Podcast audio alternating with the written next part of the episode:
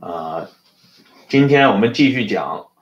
恶霸柯庆施的第十三集啊，题目叫“一九六五年这场阴谋饭局”啊。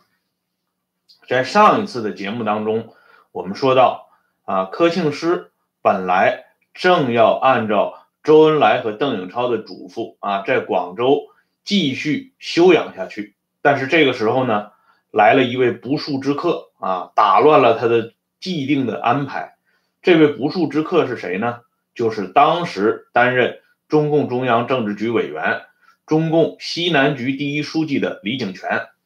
李井泉和柯庆施以及陶铸啊，被称之为毛泽东在六十年代的长江三都啊。这三个人呢，是毛泽东当时最喜欢的方面大员。陈云后来曾经总结过啊，说毛泽东呢嫌北京的空气不好啊，他最喜欢听的第一是华东的，第二是中南的，第三是西南的啊，指的就是柯庆施、陶铸和李井泉这三个人。李井泉啊，为什么要到广州来呢？啊，这个呢就要从贺龙身上说起，因为李井泉当时到广州呢，主要是来看贺龙的。贺龙呢是在一九六五年二月二十一号啊，他当时呢是从北京啊到广州。为什么从北京到广州呢？因为之前呢，贺龙啊一直忙于学习毛泽东著作啊，整顿机关工作，做了很多大量的指示。而且呢，在二月二十号，他还有一次啊非常重要的外事活动，就是陪这个尼雷尔总统，呃。这些坦桑尼亚来的人啊，然后呢又参观了北京体育学院，这样呢，二月二十一号啊，贺龙就从北京飞到广州进行休养。不过休养期间呢，贺龙也没闲着啊，他对这个即将出席啊参加第二十八届世界乒乓球锦标赛的中国乒乓球队啊，还做了专门的指示。李景泉呢，看望贺龙的时候。啊，贺龙就提提到柯老也在广州啊，嗯，聂帅也在广州，就是聂荣臻也在广州。这样呢，李井泉又先后去看望了柯庆施和聂荣臻。在看望柯庆施的时候呢，李井泉就提出啊，最好到四川去转一转啊，到成都去玩一玩。哎，柯庆施呢有点犹豫，因为当时呢，周恩来的。呃，通过邓颖超讲的话已经很清楚，就是要在广州疗养。周恩来对柯庆施的，呃，他这个病情啊，一直是相当关注啊。后来呢，担任这个卫生部部长的钱信忠呢，他有过一个专门的回忆，他说六四年啊，柯庆施这个肺部手术以后呢，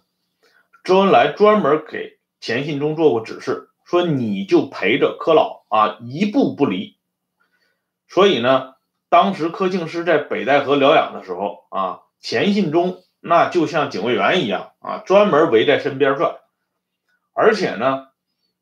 啊，周恩来啊，在柯庆施动手术的时候啊，就是一九六四年十四月十九号啊，周恩来专门到上海参加柯庆施这个动手术前的这个会诊。啊，四月二十号早晨，柯庆施呃进手术室，周恩来呢足足等了三个小时，一直得到准确的消息以后啊才离开。当天晚上，就四月二十号晚上，这个柯庆施的那个麻药呢还没有那个过劲儿啊，人还没有完全苏醒。周恩来呢专门到病房去看望柯庆施，就是说周呢对柯庆施的这个病情异常的关注。对柯庆施的身体呢，可以说是全程陪同啊，因此呢，柯庆施对周恩来的这个嘱咐啊，也是很重视的啊。李井泉劝他的时候呢，柯庆施就犹豫了啊。但是这个时候呢，贺龙帮腔了啊，因为贺龙呢，呃，当时呢，他有一个。一直以来有个想法，就是毛泽东呢曾经委托贺龙啊，希望他到四川的时候啊，去看看三线建设啊，主要是看看攀枝花钢铁厂的建设啊。因此呢，贺龙呢就劝说这个柯庆施啊，就说的啊，三线建设啊，主席一直挂在心头，我们不去看看也不好。我们在上一次节目已经讲到啊，柯庆施本人呢，急于回上海工作的一个主要内容啊，就是要看一看在皖南的三线工作，因为他是华东局第一书记啊，安徽也归华东局管。所以贺龙呢，这个劝说呢，柯庆施一下子就听进去了。再有一点呢，就是贺龙这个人啊，他身边的保健医生啊，曾昭奇这些人不不止一次的回忆啊，说贺龙这个人对四川的感情非常深。你别看他是湖南人啊，他特别喜欢四川。四川这个地方，他来来去去啊，去过好多次啊，每一次呢都流连往返。这当然和贺龙啊早年在四川这个活动过有直接关系啊，但是呢也有一些具体的啊个人原因。因此呢，贺龙在帮助李景泉劝说柯庆施这个问题上，实际上是下了很大的血本的啊，因为他个人本身就喜欢这个地方啊，因此呢添油加醋说了很多好的东西，柯庆施呢就同意了啊，这样呢。柯庆施、聂荣臻、贺龙三家啊，就由李景泉陪同，于一九六五年三月二十三号啊，从广州飞到了成都，住在金牛坝招待所。柯庆施到了成都以后呢，啊，李景泉呃就要尽地主之谊啊，他做了很啊很多啊。非常具体的安排啊，包括啊，这个柯庆施在饮食啊、起居方面，应该说非常全面啊，非常到位。柯庆施本人呢也很满意。本来说好呢是要到这个盘冈去看一看，但是李景泉啊注意到这个柯庆施的这个身体状况，所以柯庆施呢。呃，提出来去转转的这个要求呢，李景全一直是压下来没有办啊，而是呢希望柯庆施在这儿好好的休养。李景泉和柯庆施，我们都知道啊，他们在一九五九年的庐山会议上啊，因为反击彭德怀有功啊，受到毛的格外青睐和重视啊。这两个人呢，在政治上啊也非常合拍。啊，都是比较左，非甚至是非常左的这种人啊，而且呢，我们之前也讲到，一九六五年啊，毛泽东将他的这个九篇文章批示给几个人看啊，其中这三个人啊，陶铸、李景全、谢福志，就有李景全一个啊，因此呢，李景全当时他的个人啊权威可以说到了他。历史上的最高点啊，可以说是春风得意啊。而柯庆施呢，我们在上两期节目中也提到，这是一个引燃要承担毛泽东即将发动的啊这场政治大革命重任的人物啊。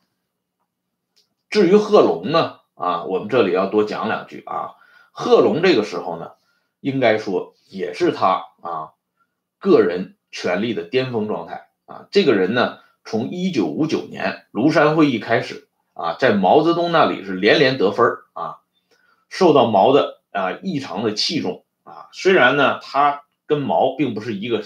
山头出来的，但是毛呢，在一九五九年到一九六五年这六年当中啊，韦贺龙以特别重任。呃，举一个例子啊，这个一九六四年八月的时候啊。毛泽东让贺龙和罗瑞卿到北戴河向他汇报军队的高级干部啊减薪的问题啊，就是把工资减下来。这主要呢是作为防止现代修正主义的一项措施。在讨论当中呢，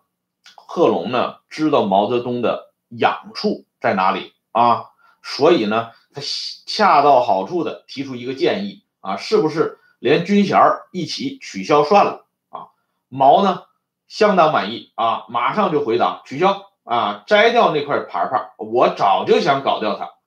哎，贺龙呢，就是说他在啊揣摩毛泽东的这个心思方面啊，是下了很大的功夫的啊。因此呢，毛对他呢也很很看重。但是这个事儿呢，呃，取消军衔这个事儿呢，啊，贺龙忽略了一点啊，就是他们事前呢没有向啊中央军委第一副主席啊。主持中央军委呃全盘工作的林彪进行汇报啊，罗瑞卿呢，呃，比贺龙脑子还稍微清楚一点呃，事后马上做了这个报备啊，向林彪啊做了汇报，但是呢，林彪明显的就是不高兴了啊。不过呢，贺龙当时呢没有感觉，哎，他当时还是啊认为自己的这个汇报啊受到了毛泽东的表扬，很高兴。啊，因此呢，他在一九六五年于广州休养这段时间啊，他实际上整个是一种放松的状态。他全然没有想到啊，就在这一年啊，也就是在接下来的这不到一个月的时间里啊，他实际上是被悄悄地拖入到一场啊早已经设定的这种。大阴谋当中啊，当然这个阴谋呢是打引号的啊。接下来我们再说啊，这个李景泉啊，为柯庆施准备了一场盛大的欢迎的宴会啊，时间定在一九六五年四月五号。这一次呢，这个东道啊是三个人啊同时出席啊，这是集中了当时西南局和四川省委的。最高级别的领导啊，李景泉、李大章和廖志高。廖志高呢，是一九六五年西南局和四川省委调整后的啊新任中共四川省委第一书记啊。李大章呢，原来就是李井泉的啊副手，就是李井泉当四川省委第一书记的时候啊，李大章是第二书记。李大章本人呢，与江青的关系非常好啊，因此呢，在呃，一九六八年啊，毛泽东批准中央专案审查委员会呃提供的逮捕啊一八届中央委员会委员的名单上啊，还专门把李大章给划了出去，而且在李大章呃的这个名字后面呢，是少数几个啊没有加上。啊，诸如现代修正主义分子啊、三反分子这些带有污蔑性的帽子的啊人啊，李大章后来在文革当中呢，又顺利的担任中共中央统战部部长，这个人呢是一直很得宠的啊，所以呢，我们从这里可以看到啊，这个东道主这边啊阵容相当强大，那个当时在成都视察的呢，朱德呀、贺龙啊、啊聂荣臻啊。都出席了这场晚宴，啊，这个宴会呢，啊，李景泉花了很多的心思啊，这个当时呢，啊，有专门的啊，这个厨师啊，安徽的厨师啊，被李景全给挖了过来啊，因为柯庆施呢，他是歙县啊，安徽歙县人。这个歙县呢，我们都知道啊，歙县是这个徽菜啊，安徽菜的主阵地啊。这个加上柯庆施这个人啊，起居饮食啊，在生病之后呢，一直是受到这个严格的这个控制的啊。周恩来呢，专门讲过啊，就是柯庆施啊，在休养期间。他的饮食呢，一定要保证清淡啊，甚至呢，周还审定过啊，给柯庆施入口的这些啊菜谱啊这些名单啊，周恩来呢还着重指出啊，柯老现在的饮食应该以粤菜和淮扬菜啊最对胃口。陶铸呢也是非常严格的按照周恩来的嘱咐来办的啊，因为广州嘛啊，这是粤菜的大本营，哎，所以呢。柯庆施之前的这个饮食呢，呃，掌控的很好，可是到了这个成都以后呢，啊，李景全这个人啊，在这点上，他就不如周恩来这么细致，他呢，光想到啊，怎么让柯庆施满意啊，所以呢，专门找了徽菜的厨子啊，来做了一大堆这个徽菜啊，从这个当时啊这个 啊在这个宴会上啊留下的一些这个啊菜谱名单当中啊，我们可以找到当时这个徽菜主要端上来。有这么几个菜啊，一个是这个杨梅丸子，一个是炒鳝糊，一个是沙地鲫鱼啊，一个是火腿烧边笋，还有一个啊，柯庆师最喜欢吃的叫松鼠溜黄鱼啊，还有翡翠虾仁等啊。徽菜的特点呢，就是油重啊，它和川菜是一样的啊。这个当天的这个席面上呢，主要就是川菜和徽菜啊，这。呃，两两路菜呢，都是以重油啊，大火，然后呢，哎，都还有点这个，那川菜就不用说了啊，徽菜也辣啊，所以呢，柯庆师呢，吃的相当满意啊，非常高兴。最主要的一点是呢，当时呢，这个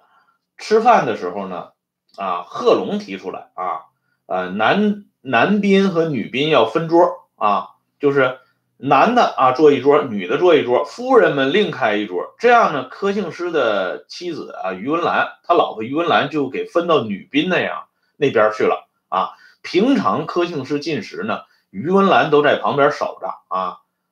所以呢，柯庆施当时还哈哈大笑说啊，今天解放了啊，这一解放可不不要紧啊，这个他是放开肚皮的吃了。柯庆施这个人呢，啊，据这个陈丕显回忆说，柯这个人啊，他特别好喝酒啊，尤其是这个贺龙啊、李景全陪在身边，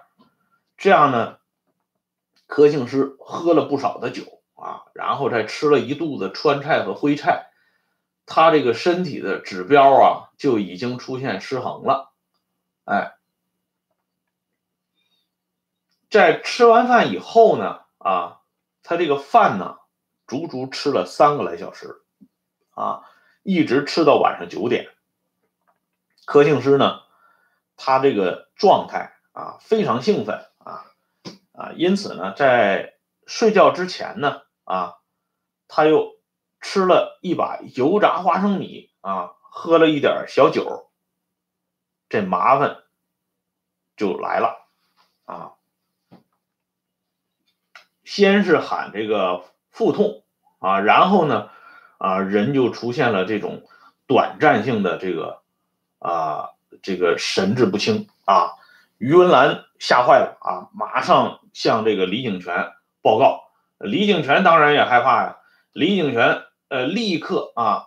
让他的这个四川省委常务书记啊许梦霞去联系啊四川医学院的这个党委书记啊。立刻组织人员抢救。这个四川医学院啊，当时简称叫川医啊。这川医这党委书记孙义华呢，是李景全啊素来看重的一个人啊。这个人呢啊，专业技术啊不用说了，关键呢，这个人非常能够啊领会领导的意图，经常是在第一时间内啊把领导的意图贯彻到各个角落里。不仅是李景泉喜欢这个人啊，贺龙也非常喜欢。贺龙这个人啊，对这个川医就是四川医学院啊，他有一种啊，就是可以说是一种特殊的感情啊。呃，贺龙这个人啊，他身边的呃这个保健医生啊，曾昭奇曾经呢呃提出来啊，就是贺龙有这个糖尿病嘛啊，贺龙就说呃你在饮食上啊要注意。啊，就是肉类啊，不要吃的太多啊。这个脂肪能变成糖啊，蛋白质也能变成糖。这贺龙呢，听完以后呢，啊就不高兴了啊。李景泉看贺龙的时候，他就问李景泉说：“你听说过蛋白质会变成糖吗？”啊，这李景泉当然他就不知道了啊。这个呢，贺龙呢就 在问了李景泉的同时呢。他又专门问了这个川医的一个牙科专家啊，就是在给他看牙的时候，他又问人家这个川医的专家说：“你知道蛋白质会变成糖吗？”啊，这个牙科的这个专家，他毕竟是管牙的啊，他也不知道这个事儿，他就随口一一回答说可能吧，谁知道他变不变呢？哎，这贺龙就来脾气了啊！贺龙对他这个保健医生郑昭渠就发脾气了，说啊，就你学问大啊，人家穿衣的大专家都不知道啊，就你知道。后来呢，郑昭渠给他找了专门的资料啊，这贺龙呢啊看了以后呢。啊，不再把这个蛋白质变成糖这件事儿啊当成笑话了啊，不提了。就从这件小事儿啊，我们就可以看出来啊，贺龙对穿衣是相当迷信的啊。所以呢，当时许梦霞找到孙艺华的时候，贺龙也做了一个指示啊，说要全力以赴的啊，如何如何去抢救柯老等等。川医呢，啊，这个专家呢，确实是不负众望啊，他们呢。很快就给诊断出来了，就是急性啊出血性胰腺炎啊。但是呢，这个四川医学院做出这个结论呢，啊，柯庆施的保健医生啊胡允平这些人啊，却没有把它啊放到一个非常值得重视的这个层面上来看啊，因为这不是说胡允平个人啊能够做出的决定。而是柯庆施的老婆啊，于文兰，包括啊躺在床上的这位啊华东局第一书记柯庆施一贯的看法啊，他们最相信的就是他们上海的医生啊，因此呢，啊柯庆施的保健医生胡允平呢，通知上海的医生来啊，那个时候呢，陈皮显在家这个守摊儿啊，所以陈皮显当时回忆了啊，说这个。上海呢，知道这个事儿以后呢，马上啊派出这个最有名的专家组成医疗小组赶到成都。这个时候呢，人在北京的啊周恩来也得到消息了，周恩来也马上啊在北京组织了最好的专家啊，把这个吴阶平啊啊这个重量级人物都给派过去了啊，也赶到了成都啊。去抢救，而且呢，吴阶平去的同时呢，周恩来又把卫生部部长钱信忠叫到跟前儿，说这一次去成都啊，可以说是执行一项非常重要的任务，可以当做战斗任务啊来看啊，所以呢，要求钱信忠必须完成任务啊，下了军令了。这是到了成都以后呢，上海方面的这个专家呢。呃，根据这个胡允平啊，他的这个汇报啊，胡允平呢本人是不相信四川医学院的这个诊断结论的，他是偏向于胆囊炎。上海的医生来了以后呢，也是先入为主啊，也定义为胆囊炎。这样一来呢，啊，上海的医生一发话了呢，北京来的啊钱信忠和吴阶平呢，他们呢就不好插嘴了。啊，因为家属这边呢也是非常倾向于上海方面的结论，啊，于是呢就错过了最佳治疗时间。因为这种急性啊出血性胰腺炎是要马上进行啊抢救的，因为他那个胰腺分泌出来的那种消化的那种液体呢，啊，这个最后可能连肠子都会化掉啊，这是非常严重的事情。但是呢，却。活活的给错过了啊！于是呢，这柯庆施呢就抢救无效啊，于一九六五年啊六四月九号啊下午六点三十分啊嗝屁朝凉啊死了。等到他死亡以后呢，进行这个解剖的时候啊，当时在场的钱信忠啊、吴阶平他们都在场啊，同时就是见证了这个。解剖，解剖以后得出的结论呢，就如同啊四川医学院所做的结论一样啊，柯庆施死于急性出血性胰腺炎啊，在这个结论面前，上海方面的医生以及柯庆施的保健医生胡永平是哑口无言啊啊，所以呢，这个柯庆施的老婆于文兰非常记恨啊这个保健医生胡允平，以至于呢，柯庆施的这个告别仪式啊。于文兰死活不让他这个保健医生胡允平出出席啊，因为他认为就是胡允平这个庸医啊，害死了他这个他这个老伴儿啊，柯老啊。但实际上呢，这个责任呢，不应该完全由胡允平来承担，因为柯庆施生前对上海方面的医术，他这个迷信呢啊程度非常之高啊，连带着包括余文澜在内啊，他们也没有对当时上海方面做出的结论提出任何异议。啊，也没有认真的倾倾听啊，川医方面的结论啊，可以说，正像韩愈所说的那句话啊，爱之是以害之啊，这是对柯老的这个深沉的爱啊，把柯老送上了不归路。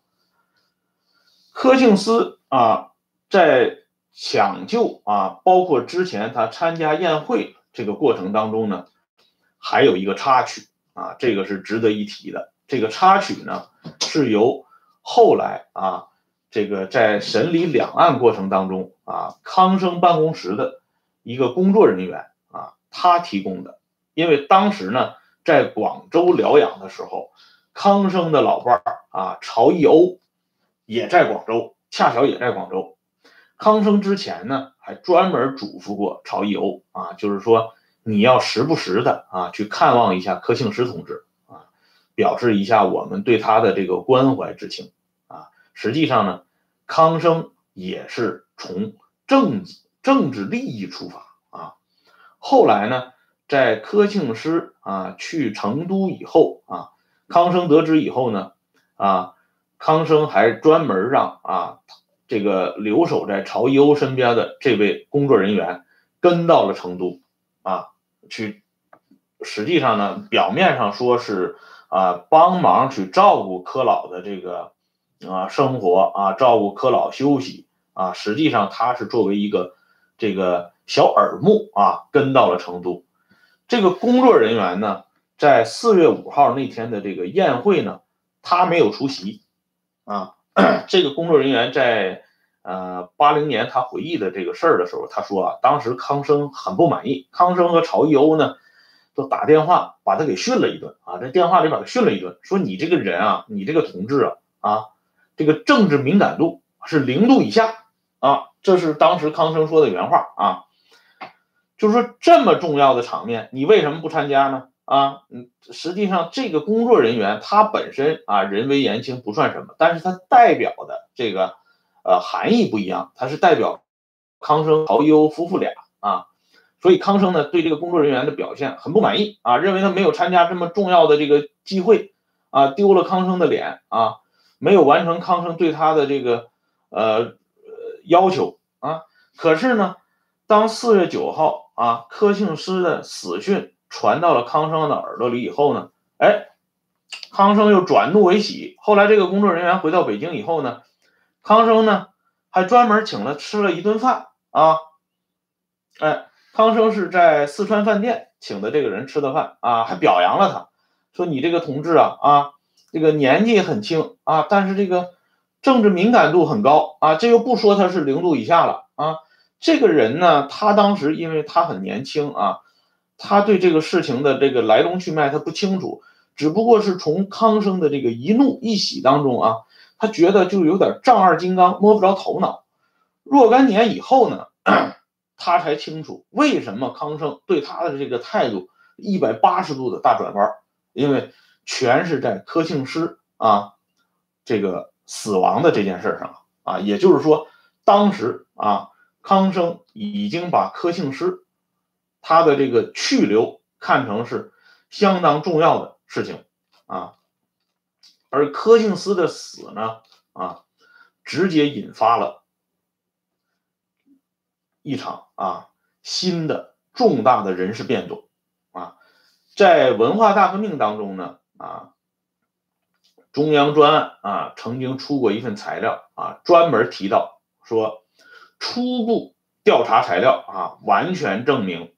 柯老之死啊是严重的政治陷害，柯老之死是刘少奇、贺龙、李景泉、彭真反革命集团的政治阴谋。在我国进入伟大的文化大革命前夕，啊，刘少奇、彭真、李景泉、贺龙之流就对柯老下毒手。他们突然邀请贺啊柯老进行暗害，这完全是有预谋的反革命事件。从这个结论当中，我们就可以看到啊，李鼎泉、贺龙他们啊是在完全啊不知不觉的当中啊掉入了这场所谓的啊阴谋饭局陷阱当中啊。而康生啊事后表扬的那位小工作人员呢啊，他所折射出的信息啊，更反映了中央高层。啊，对柯庆施意外死亡的这个基本的态度，毛泽东、周恩来在柯庆施死后啊，马上做出了反应啊。那么，毛泽东、周恩来对柯庆施的死做出什么样的啊激烈的反应呢？啊，我们在下一期节目当中将会详细的介绍。谢谢大家收看、订阅《温相说党史》，再见。